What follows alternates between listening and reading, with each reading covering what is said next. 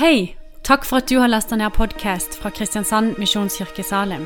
For å finne ut mer om oss, besøk vår hjemmeside på kmsalim.no.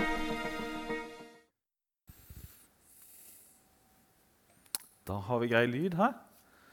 Så bra. Eh, en av de tingene som er nytt siden sist, det er at jeg har fått briller. Så hvis jeg tar de av, så er det bare en sånn eh, blurry masse der ute. Men nå er det liksom blitt klart. Eh, og Måten jeg oppdaga det på, det var det at jeg satt i bilen med mine barn, og så kjørte vi inn fra byen mot Vågsbygd. Og så spurte de, når kan dere se det der, når kan dere, når kan dere lese skiltet over Vågsbygdporten. Jo, vi kjørte, og de var sikkert sånn 300-400 meter ifra, og de leste. Så jeg, måtte vel jeg ha halvparten av distansen, kanskje, sånn 100 meter ifra eller noe. Da kunne jeg begynne å lese det. Så jeg burde nok strengt tatt hatt det for noen år til, før det igjen, men sånn er det. Vi prøver å utsette sånne ting om at vi blir litt eldre, selv om det egentlig er jo fantastisk. Hva, hva er vel bedre enn å merke at uh, en får lov å leve noen år til og uh, ha det fint? Uh, det å bli et år eldre, det å feire. Vær våken og hold deg nær til Jesus til enhver tid, har jeg satt som overskrift. Og Etter hvert så skal vi gå til det bibelverset der. Jeg vet ikke om du har slitt med det å, å kunne holde deg våken nå i sommervarmen. Jeg merker i hvert fall det at Når det blir skikkelig varmt på dagen, og i hvert fall hvis du må opp med en hund på natta òg, sånn, som må ut på do Så når du da kommer på ettermiddagen, så blir du litt sånn tung i, i lokka. og Hvis noen av dere blir det i dag, så er det helt greit. Jeg kommer til å si fra hvem det er som, som søvner, hvis jeg husker navnet. da. Men det er helt, helt i orden. Eh, og Eh, du spurte meg jo litt Åse, om, eh, om familien. Kan vi se Nå tenker jeg Der har vi han, vet du. Den, eh, den, lever i beste velgående. De er jo blitt noen år eldre alle sammen siden jeg var her i Salem. for å si det sånn. Våre barn nå de er 14, 17 og 21. Og så har vi da fått Lucy inn i familien. Og Det virker kanskje litt rart å ha så stort bilde av Lucy og så lite bilde av familien. Men det er akkurat sånn det føles når du har en fire og en halv måneder valp. Det kan jeg love deg. Men jeg hadde rett og slett lyst til i starten på denne prekenen å ta dere med på en liten oppmuntringsreise. Eh, fordi at eh, Nå kjenner jeg ikke alle dere som er her, og du er absolutt veldig veldig hjertelig velkommen om du kommer fra en annen menighet som ikke er en misjonskirke. Vi er glad i alt Guds folk. Men det er enda sånn at mange av de som står sammen om disse møtene her i Salem, vi kommer fra ulike misjonskirker ute i bydelene. Men alle har vi røttene våre tilbake i Salem. Eh, derfor så blir det litt sånn familiegjenforening her på sommeren, men forhåpentligvis med mange nye venner. tenker Jeg da. Men derfor så var Jeg var litt seint ute med den meldingen, men jeg sendte en melding rundt til alle pastorene eller lederskapslederne i de ulike menighetene rundt i bydelene og spurte om ikke de kunne sende meg noe tilbake. Noe som har vært oppmuntrende den siste våren. Så jeg tenkte at vi skulle liksom starte der. Og Aller først har jeg bare lyst til å takke på nytt Salem for den raushet og den modighet som dere som menighet har utvist de siste 20 åra. Eh, for dere har sendt fra dere den ene flokken etter den andre. Eh, noen ikke så mange, noen ganske mye flere. Og så har det altså blitt planta masse menigheter som i dag er livskraftige menigheter rundt i disse forskjellige bydelene. Og så er jeg veldig glad for å høre at dere just har eh, landa ny hovedpastor, Rune Heimvold. Jeg ser han ikke her, ellers hadde jeg tatt han opp på plattformen her og ønska han velkommen til Kristiansand. Men jeg kjenner jo Rune ganske godt, så jeg er veldig glad på Salem sine vegne, og jeg er veldig glad på Rune sine vegne. Og velkommen til Salem-familien. Men la oss starte en liten oppmuntringsreise. og Den første som jeg har fått en oppmuntring fra, det er Jorunn. Hun var på ferie langt nede i Karibien et sted, men sendte allikevel denne meldingen her om Hellemyr. To ungdommer har tatt imot Jesus denne våren, og vi starter alfakurs til høsten, høsten hvor det allerede er 30 påmeldt, og nye unge mennesker kommer til kirka. Eh, dernest så tikka det inn fra Oddvin. Han pleier å være ganske kjapp. Gleder oss over nye kontakter, nye vennskap og nye personer har blitt frelst gjennom alfakurs. En berikelse med våre nye landsmenn i menigheten og på Åpent hus. Vi har begynt på utvidelse av bygg pga. veksten og er så takknemlig for alle de tusen mennesker som nås gjennom daglige Facebook-hilsener, hvor mange av disse er kirkefremmede. Kjempefint. Jonny på Justnes det sterkeste for oss er at flere ungdommer har tatt imot Jesus som herre og frelser, og flere har blitt ekstra tent i brann for Jesus. Vi merker også at den profetiske dimensjonen har blomstret, og vi gleder oss over prosessen med nytt kirkebygg. Gud er god, sier Jonny og hilser til dere. Og så fikk jeg en ganske på slutten her fra eh, Ytre Og da må jeg faktisk ut her for å lese litt sjøl, for den rakk jeg ikke få på eget papir. Godt nytt hos oss er at flere mannfolk opplever en fornyet gudskjærlighet og begeistring, og det smitter. Og I går sendte vi vår første misjonsteam til Polen med andreårs konfirmanter, elleve ungdommer med ledere. Guds fred over kvelden. Det var de som rakk å sende noe inn før jeg fikk alt liksom ned på papir. Eh, og så litt fra vår egen menighet. Vågsby misjonskirke vi har opplevd i løpet av denne våren her. Vi har alfakurs eh, på våren alltid, fra ca. januar til mars. Og òg eh, i år så var det nye mennesker som ble en del av menigheten etter alfakurset. Eh, noen var ganske nye kristne når de begynte på alfakurset. Noen hadde vært det noen år, men de har blitt en del av vår menighet. og det er vi veldig takknemlige for. Og så er det et par nye familiegrupper som er starta i menigheten vår, som vi òg syns er veldig spennende. Og veldig ferskt så hadde vi menighetsmøte 11.6, hvor vi beslutta å bli modermenighet for en ny plantning på Slettheia. Og det er noe vi har bedt om egentlig helt siden vi ble planta sjøl. For den tanken kom veldig tidlig. Mon tro om der skal komme en lokal menighet på Slettheia på et tidspunkt. Ehm, så når, når da Flekkerøy dukka opp på kartet, etter hvert, så var det noen av oss i lederskapet som liksom var, Skulle vi til Flekkerøy? Var det ikke til Slettheia vi skulle? Men så hadde vi skudd en plan med det òg. Så det ble jo først plantning på, nei, på Flekkerøy i 2014. Nå er vi veldig takknemlige for at Gud han har sendt rett og slett et par. Anders og Bente Hins. Hun er daglig leder i OM, Operasjon mobilisering skulle begynne i jobben med kontor her i Kristiansand i 2019. Og så er det mannen da, som jobber i, på den tidspunktet i Lyngdal, i Parkvesenet, som en dag på jobb opplever en helt sånn konkret tiltale ifra Gud på at dere skal bosette dere på Slettheia. Han visste ikke at det var et sted som hette det engang, så han måtte, han måtte, hjem, sette seg på telefonen, søke på Finn om han kunne finne noen leiligheter eller tomannsboliger på Sletteheia. Og det fant de. Og De flytta dit i 2019 med sine tre gutter og har nå allerede gått i gang. De har et team rundt seg. De har begynt å bygge relasjoner og dele Jesus med folk fra ulike kulturer og religioner gjennom samlinger i hjemmet sitt, gjennom en språkkafé, gjennom matkvelder og gjennom en gratisleir for barn fra 1. til 7. klasse som faktisk går av stabelen neste uke. Love Slettheia heter den. Og um, fjerde år på rad, så jeg skal dit i morgen og være med på leir. Det er fantastisk. Og eh, ja, det er lov å klappe for det. Fordi det er absolutt ikke vår fortjeneste overhodet. Men det er Gud som sender de menneskene som han ser at trengs på disse stedene. Og, eh, og så får vi lov å være med og heie.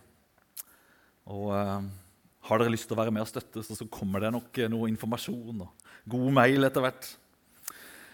En annen ting som jeg synes er veldig kjekt for vår del, er at vi har den største delegasjonen påmeldt på Liv og vekst noen gang. Og Det er jo litt gøy at vi kan liksom, komme sammen på sommeren med hele storfamilien i Misjonskirken Norge og feire Jesus. Og Der ligger også en invitasjon til deg. Det er ikke langt til Stavern. vet du, Som ikke du hadde tenkt å gå på Liv og vekst, så er det ikke for seint å ombestemme seg og ta en full dag. Masse spennende som skjer. Møtene er klokka seks. Det går an å få med seg mye fint, så gjør gjerne det. En siste ting på oppmuntringsreisen er at uh, at uh, vi var en tur til Svennevik og Jon Arne Hoppestad. Og Det er altså ikke vi to som er de to nye utsendingene til Kalaras i Romania. Det kunne det jo fort ha vært. Men Jon Arne Hoppestad for de som ikke vet det, han er internasjonal leder i Misjonskirken Norge. Og jeg jobber da med Romania spesielt. Og Vi var invitert til familiekirka Lindesnes her 11. juni, hvor vi talte og delte litt om misjon i Romania. Fordi det er to unge familier derfra som uh, har bestemt seg for at vi vil reise til Romania og til Kalaras. De har uh, fire barn til sammen. Det er vel ei i skolealder. De valgte å selge to store hus og flytte sammen i en bolig hvor det var to boenheter. Da kunne de kvitte seg med masse gjeld. Og så kunne de begynne å forberede seg på å reise til Romania. Og Da tenker jeg, hva kan vi annet enn å heie på sånne folk? Så vi eh, har en god relasjon dit med, eh, via Christian Reme, via Geir og Elin Myra, som er pastor i, eh, Lista misjonskirke. Og Det er en del av de nye som skjer i arbeidet i Romania. det at Vi har funnet flere samarbeidspartnere som åpner et nytt landskap som er veldig spennende. Disse skal sendes ut fra familiekirka Lindesnes, men kanskje det skal bestemmes i løpet av høsten, så blir de òg utsendinger fra Misjonskirken Norge. Wow! Og så kunne vi ha hørt fra Randesund, vi kunne hørt fra Flekkerøy, vi kunne hørt fra Hånes og, eh, og mye flere. Men eh, det var de jeg fikk inn på morgenen i dag. Jeg tenker at det her er jo utrolig spennende å få lov å være en del av. Og så betyr selvsagt ikke det at dette er hele sannheten om hva som skjer i, i Misjonskirka i Kristiansand. Det er nok av utfordringer. Det har vært krevende tider for flere av menighetene i perioder. Men akkurat nå så hadde jeg en sånn eh, fornemmelse at Jesus ville at vi skulle minne oss på hva det er han holder på med. Og ikke bare i vår menighet, men denne våren her så har det jo skjedd utrolig mange flotte ting i vårt nærområde. Jeg har ikke hørt det aller siste, men eh, det, det jeg iallfall hørte for Når vi har møte her, så er det jo møte på Vigeland. Og i alle fall så var det over 20 mennesker som er kommet til tro gjennom de møtene som har vært der. Og for ikke å snakke om alle de som har fått et nytt møte med Jesus. De som har blitt berørt av hans kraft. Jeg fikk lov å være her Eh, i slutten av mai. Eh, vi hadde et møte her i Salem i forbindelse med The Send, og Da var det en av de fra Vigeland som var her og delte. Og du merka bare hvordan Jesus han syda i hvert fiber av kroppen. Og jeg det var så fint Når han skulle be, så sa han at eh, jeg vet ikke hvordan det er her, sa han, men hos oss der kneler vi når vi ber. Og Så snudde han seg den veien, og, og så ba han til Jesus som det er lenge siden jeg har hørt noen har bedt til Jesus. Så tenkte jeg det der, det vil jeg ha tak i. Den brannen der. Og Da var det gøy å være på Descend, denne store happeningen i Ravnedalen med 1400 påmeldte. Den påfølgende lørdagen, det er der det bildet er fra. Det var før det var blitt 1400 der. Det var helt i starten av, av ettermiddagen. Uh, og hvem sitter rett foran meg, om ikke hele denne gjengen fra Vigeland?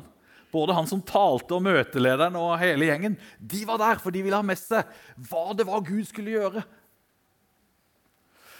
Og mye fint skjedde der det jeg har fått høre av rapporter, er at 66 ungdommer responderte i appen, hvor man må gå inn på en app og registrere seg. 'Jeg vil ta imot Jesus Kristus som min frelser og Herre'.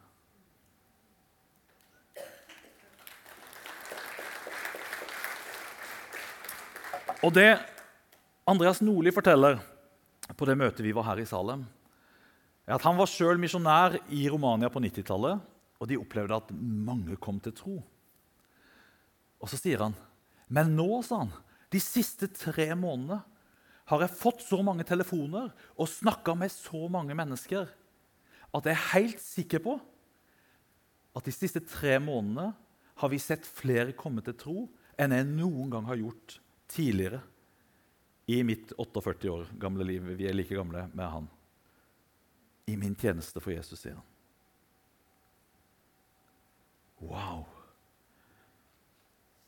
Jeg opplever at det Jesus aller først ville si til oss, og kanskje aller viktigst, er at han lever i dag. Og han møter mennesker i dag. Han berører mennesker så de vil ta imot han som sin frelser og herre. Og han berører dem med sin kraft, så de får erfare hans kjærlighet og nåde.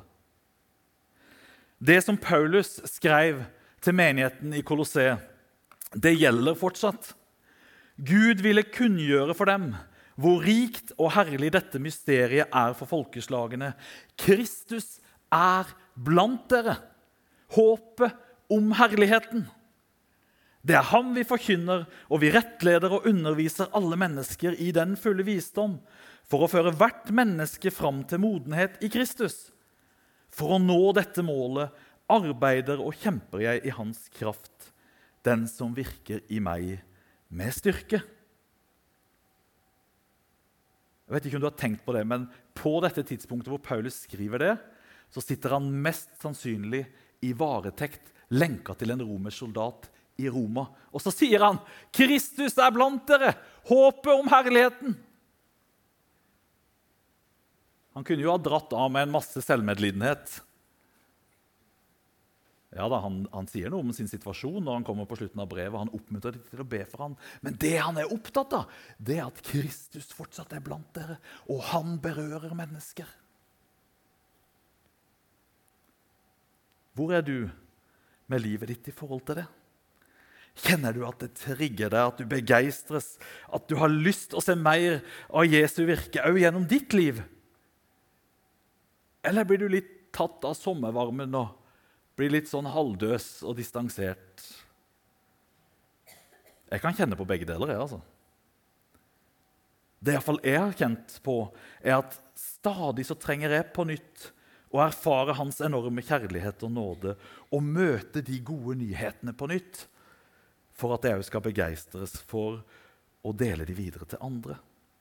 Jeg tror at Jesus ønska å møte deg her i kveld og minne deg på at han lever, at han møter mennesker, og at han ønsker å bruke deg. Han ønsker å bruke deg som sitt vitne. Det ordet vitne det har jeg tenkt mye på, for det var jo noe vi gjorde på møter før, men ikke nå lenger. Nei da, det er ikke helt riktig. Men vi hadde vitnemøter før.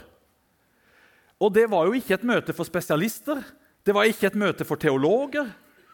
Det var ikke et møte hvor vi måtte forsvare alle sider ved Gud eller hele Bibelen fra A til Å. Hva var det for noe? Det var møter hvor vi kunne dele noe Jesus hadde betydd for oss, eller et bibelvers som hadde blitt viktig, eller noe annet vi hadde opplevd.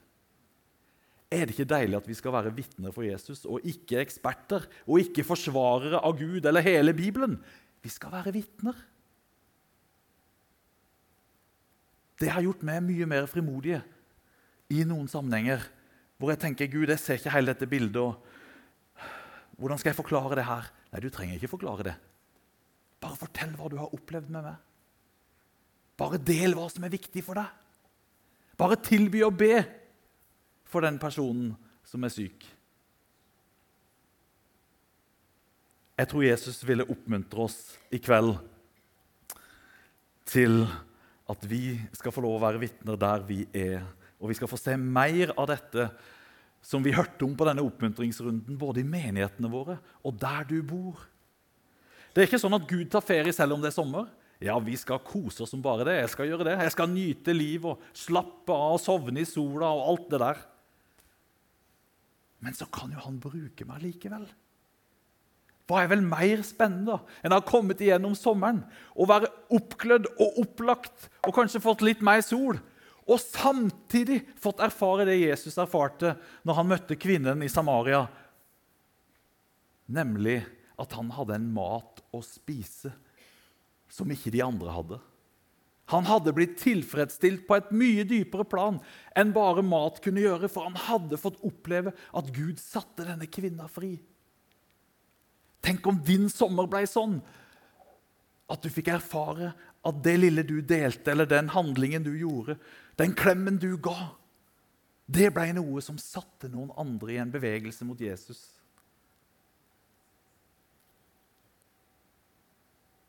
Dere skal få kraft når Den hellige ånd kommer over dere, og dere skal være mine vitner i Jerusalem og hele Judea, i Samaria og helt til jordens ende.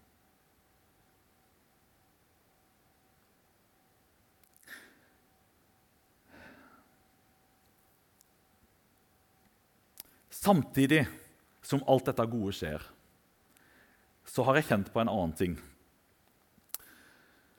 Eh, vi i Vågsby misjonskirke har denne våren gått gjennom Lukasevangeliet.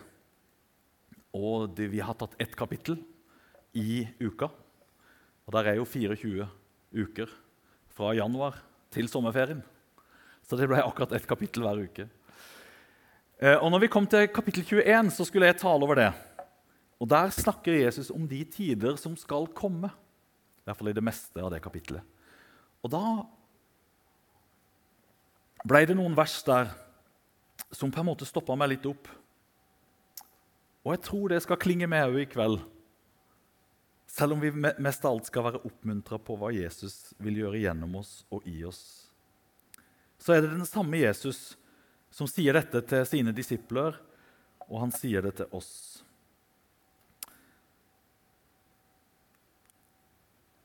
Vær på vakt, og la ikke hjertet bli sløvet av rangel og drikk og dagliglivets bekymringer, så den dagen plutselig kommer over dere som en snare. For den dagen skal komme over alle som bor over hele jorden. Våk hver tid og stund og be om å få kraft til å komme velberget fra alt det som skal hende, og bli stående for menneskesønnen. Jeg snakka litt om det å holde seg våken her. Og Her bruker Jesus dette uttrykket om å være åndelig våken, eller være på vakt, ikke sløve hen. Våke hver og stund. Hvilken dag er det det er snakk om? Ja, Det spørsmålet må vi stille oss nå, for det er ikke så ofte vi hører prekener om den dagen lenger. Kan hende at en del av dere som sitter i dette rommet, ville gjenkjenne det med en gang, men kanskje ikke alle. Jo, den dagen Jesus snakker om, det er jo først og fremst den dagen han skal komme tilbake. For å avslutte tida slik vi kjenner den, lage en ny himmel og en ny jord. Og Dette er jo noe som den kristne kirka har venta på i snart 2000 år. Ja, Men når er den dagen, da? Ja, Det har det vært spekulert mye på. Og, eh, og, Du kan bare begynne å google det, så vil du finne ut hvor mange kristne sekter det har vært opp igjennom tida. De aller første det var i, i fall som jeg kunne klare å lese meg til, det var i år 172. Det var en som het Montanos. Han mente at det skulle skje på et gitt tidspunkt i 172. Og eh, han, Jeg vet ikke om han solgte alt han eide, eller hva han gjorde for noe. Men det feila jo. Og merkelig nok så er det mange som har forsøkt å gjøre det, selv om Jesus var veldig tydelig når han sier, 'Men den dagen eller timen kjenner ingen, ikke englene i himmelen og heller ikke Sønnen, bare Faderen'. Men så kan man jo begynne å lure om det er ting som, som tyder på i vår tid på at de siste tider er her, og at Jesus snart kommer tilbake.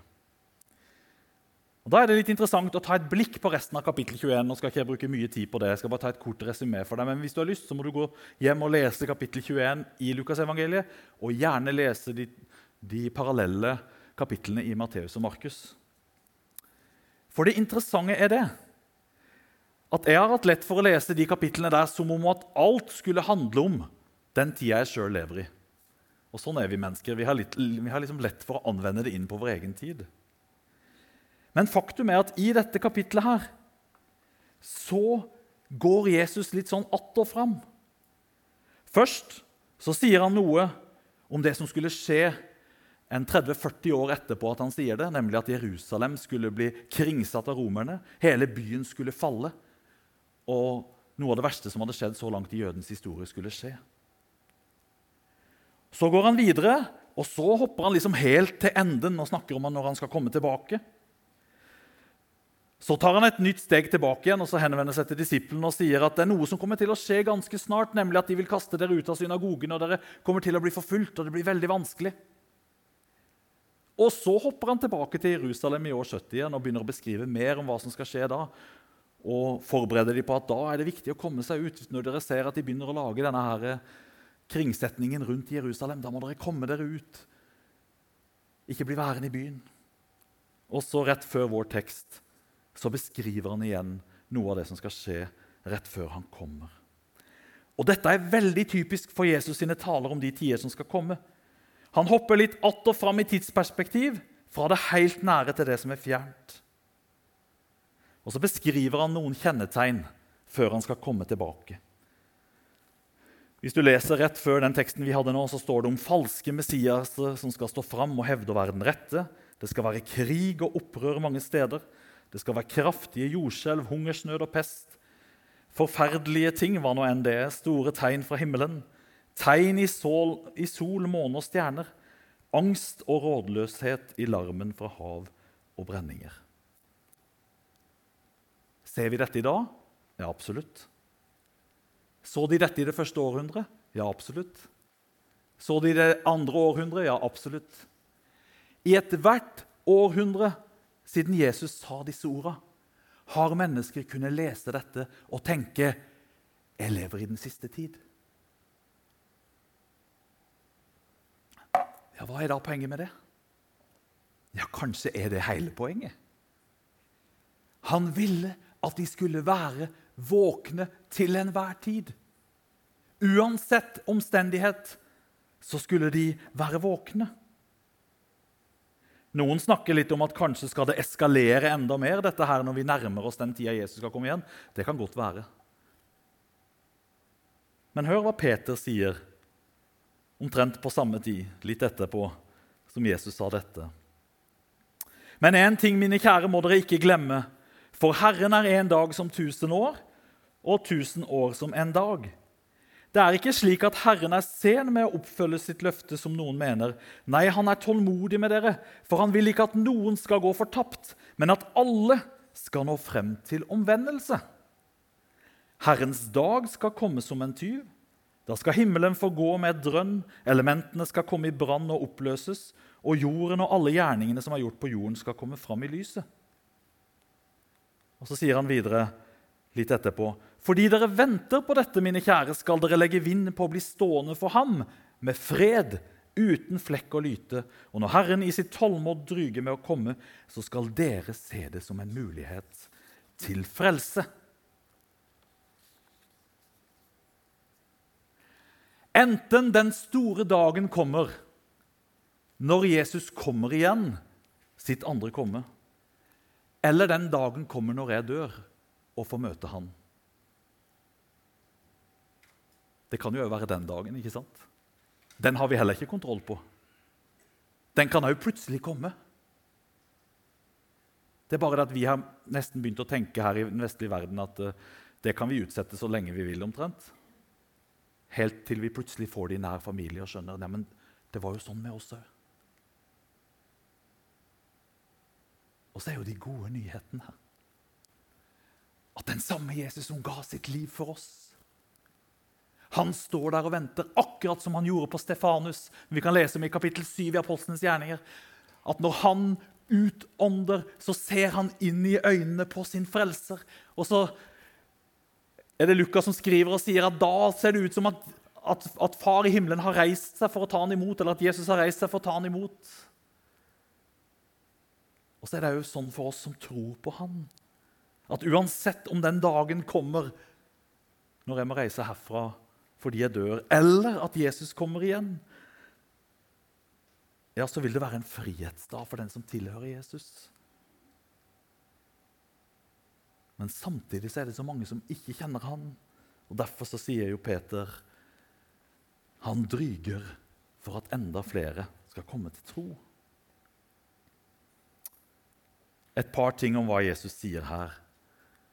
Han sier for det første noe vi ikke skal gjøre mens vi venter. Ikke la hjertet bli sløvet av rangel og drikk og dagliglivets bekymringer. Det er ikke sikkert du kjenner deg igjen i alt dette her, men det gjorde definitivt de som leste dette første gang. Og det har nok folk gjort i enhver generasjon opp igjennom òg. Jesus advarer mot ting som kan dra oss vekk ifra Han og sløve troen vår.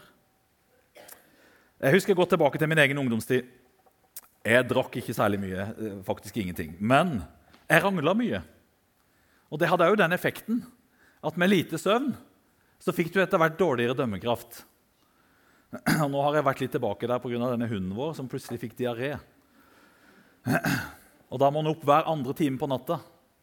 Og Jeg trodde jeg var ferdig med det greiene der for lenge siden med små barn. Men plutselig så sto jeg der liksom, kvart over to ute med en hund på do i Vågsbygda. Og når du har gjort det tilstrekkelig mange ganger etter hverandre, så blir du fryktelig sliten. Og du skal prøve å gjennomføre jobb på dagen liksom som vanlig, men det er ikke så lett. Og lunta blir kortere og alt sammen. Rangel over tid det fører til dårlig dømmekraft og dårlige valg. Og legger vi til rusmidler eller andre ting som, oss som, som forstyrrer oss, så skjønner vi at det er ikke en god, god, måte å forberede seg på. Jeg vet ikke om du har tenkt på det, men Dette var veldig anvendelig for de som levde i år 70 og rett før det. Det var ikke særlig lett å flykte ut av byen hvis du hadde rangla ti dager i forveien og var veldig hard på flaska. Så det Jesus gjør her, det er jo at han gir veldig gode nyheter til de som leser det der og da, og som ville leve noen år seinere og oppleve dette, at romerne inntar denne byen. Det er helt konkrete råd om hvordan man kan opptre for å holde seg våken. Men hva med bekymringer? Det gjør vi jo alle sammen. når du nevnte det her, Annelise. Jeg lurer på om det er noe av dette her som Jesus er inne på, for han har sagt noe om det òg i, i, Lukas kapittel 8. Da snakker han om, om hvordan Guds ord virker i våre liv. Og så sier han det som falt blant tornebusker, er de som nok hører ordet, men på sin vei gjennom livet kveles de av bekymringer og rikdom og nytelse, så de ikke bærer fullmoden frukt. Jeg har kjent på noe av dette her. Og så har det heldigvis ikke dratt meg bort ifra Jesus. Men jeg har møtt noen mennesker hvor jeg lurer på om det har det. Hvor de starta med å tro på han og være veldig hengivne kanskje når de var ungdommer. Og så tok liksom bare livet Det var ikke kanskje at det var noen sånn veldig dramatiske valg, men livet bare tok de så veldig. Og plutselig så ble det viktigere med hus, hytte, bil, båt, ferie. Og Så ble det mindre og mindre menighet, og så ble det mindre og mindre Jesus. Så kan det hende at det fortsatt er en tro der. Den må vi jo oppmuntre. Jeg tror det er mange av de her i Kristiansand faktisk, som vi kan heie på. Tilbake til Jesus, til fellesskapet. Og Så sier han for det andre noe om hva vi kan gjøre Våg hver tid og stund og be om å få kraft. Dette med å våke det har Jesus vært inne på tidligere. Hva, hva betyr det? det? Jo, Hvis vi går litt tilbake i Lukas, så han, kan vi lese mer om hva han sier om det der. Han sier også noe om det i Matteus. Men rent sånn oppsummert så tenker jeg at det handler om å fortsette å leve i det kallet og oppdraget Jesus har gitt oss som hans disipler. Og ikke vike av fra det. Fortsette å elske han og elske vår neste. Fortsette å dele de gode nyhetene med andre, både i egen familie og eget nabolag. Ja, fortsette å tjene Jesus gjennom å bruke sine gaver i menighet og samfunn. Og da trenger vi hverandre.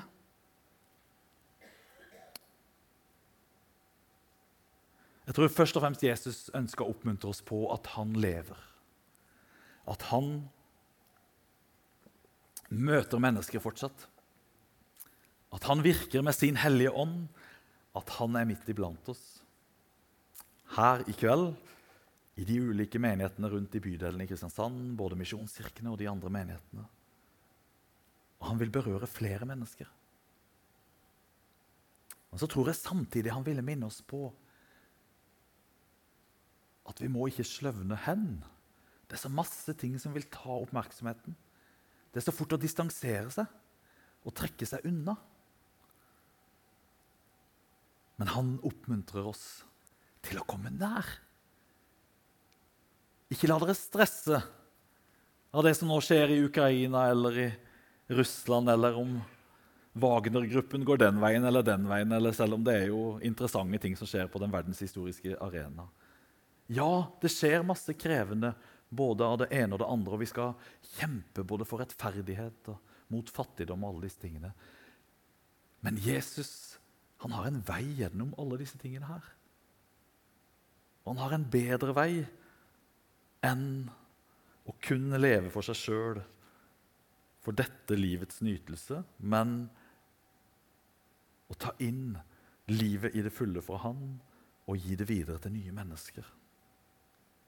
Jeg liker Hebrebrevets forfatter, som jeg ikke har fått med meg på denne serien, men da kan jeg lese det til dere. La oss holde urokkelig fast ved bekjennelsen av håpet, for Han som ga løftet, er trofast. La oss ha omtanke for hverandre, så vi oppgløder hverandre til kjærlighet og gode gjerninger. Og la oss ikke holde oss borte når menigheten vår samles, som noen har for vane. Da skulle ha satt i parentes noen navn der. Da hadde det blitt riktig kraftfullt. La oss heller oppmuntre hverandre, og det så mye mer som dere ser at dagen nærmer seg. Vi trenger fellesskapet. Vi trenger hverandre. Vi trenger sommer i Salem, tenker jeg. Jeg trenger iallfall det å komme innom litt innimellom og kjenne at jeg står i en større sammenheng, selv om jeg har ferie. Jeg tror Jesus har masse spennende foran dere i sommer, utover høsten. Jeg tror han vil bruke dere som sine vitner. Ikke tenk at du må liksom svare for alt eller kunne hele boka eller være ekspert, for det har du aldri blitt kalt til å være. Du er kalt til å være et vitne. Og du skal bare fortelle om det du har sett og erfart.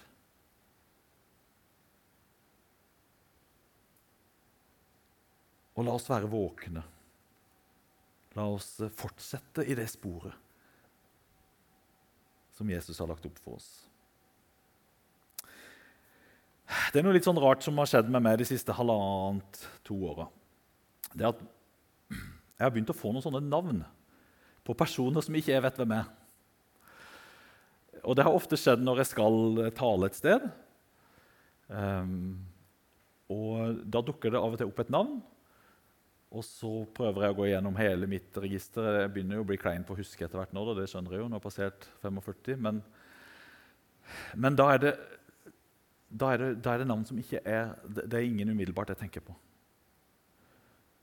Og så har det veldig ofte vært sånn at de personene er noen som ikke er troende, eller de har kanskje vært troende, og de har kommet langt bort fra Jesus. Og så er det en dere kjenner. Og det skjedde i dag når jeg forberedte denne prekenen. Så jeg har bare lyst til å dele det navnet med deg og med dere. Og kanskje du gjenkjenner det. Da må du gjerne si fra til meg etter møtet, så kan vi sammen be for den personen. Ellers er det bare en oppmuntring til deg om at Gud ser denne personen og kjenner personens navn. Og det navnet er Nils Arne. Nils Arne. Det var det jeg hadde lyst til å dele med dere. Eh, nå skal vi ha lovsang, og det gleder jeg meg til. Det var utrolig fint. Takk for at du kom til Salem. Og eh, Parallelt med det så blir det forbønn. Jeg vet ikke hva det er som har truffet deg i løpet av denne kvelden, enten det har vært i lovsangen eller noe av det jeg har sagt, eller Åse har sagt. Men det er egentlig ikke så viktig. Det viktige er at du responderer på det du opplever Gud har talt til deg. Og Da er det kanskje bare fint å sitte og være i lovsangen, eller kanskje du kjenner at det var godt at noen var med og ba inn i mitt liv. Eller kanskje du hadde lyst til å bare sammen med forbederne be for noen som du tenker, tenker trenger å bli heia litt ekstra på for å komme tilbake til fellesskapet, eller fordi de ikke tror på Jesus. Eller kanskje du trengte et påfyll av kraft for å være hans vitne nå i sommer. Jeg ber en bønn, og så leder de oss i lovsang. Jesus, takk at du lever. Og takk at vi får lov å tilhøre deg. Takk at vi får lov å være dine barn. Og takk, Jesus, at du vil med din Hellige Ånd virke gjennom oss, slik at nye mennesker får se deg, får se din kjærlighet og nåde, får erfare at du tilgir og gjenoppretter og gjør fri og helbreder. Jesus, jeg har lyst til å be for hver enkelt som sitter i dette rommet, at de skal gå med frimodighet ut i denne sommeren. Akkurat med den de er og skal få lov å være et vitne for deg. Og så ber jeg jo Herre for de som kjente at eh, jo, jeg har nå kanskje slø sløvna litt hen, eller eh, Jeg kjenner på det der at det, det er mye bekymring som tar hele plassen. Må du komme, Jesus, og løfte bekymringene av. Fylle på med din ånd. Så ber jeg for denne Nils Arne. Du vet hvem det er. Jeg ber at du møter han, Herre.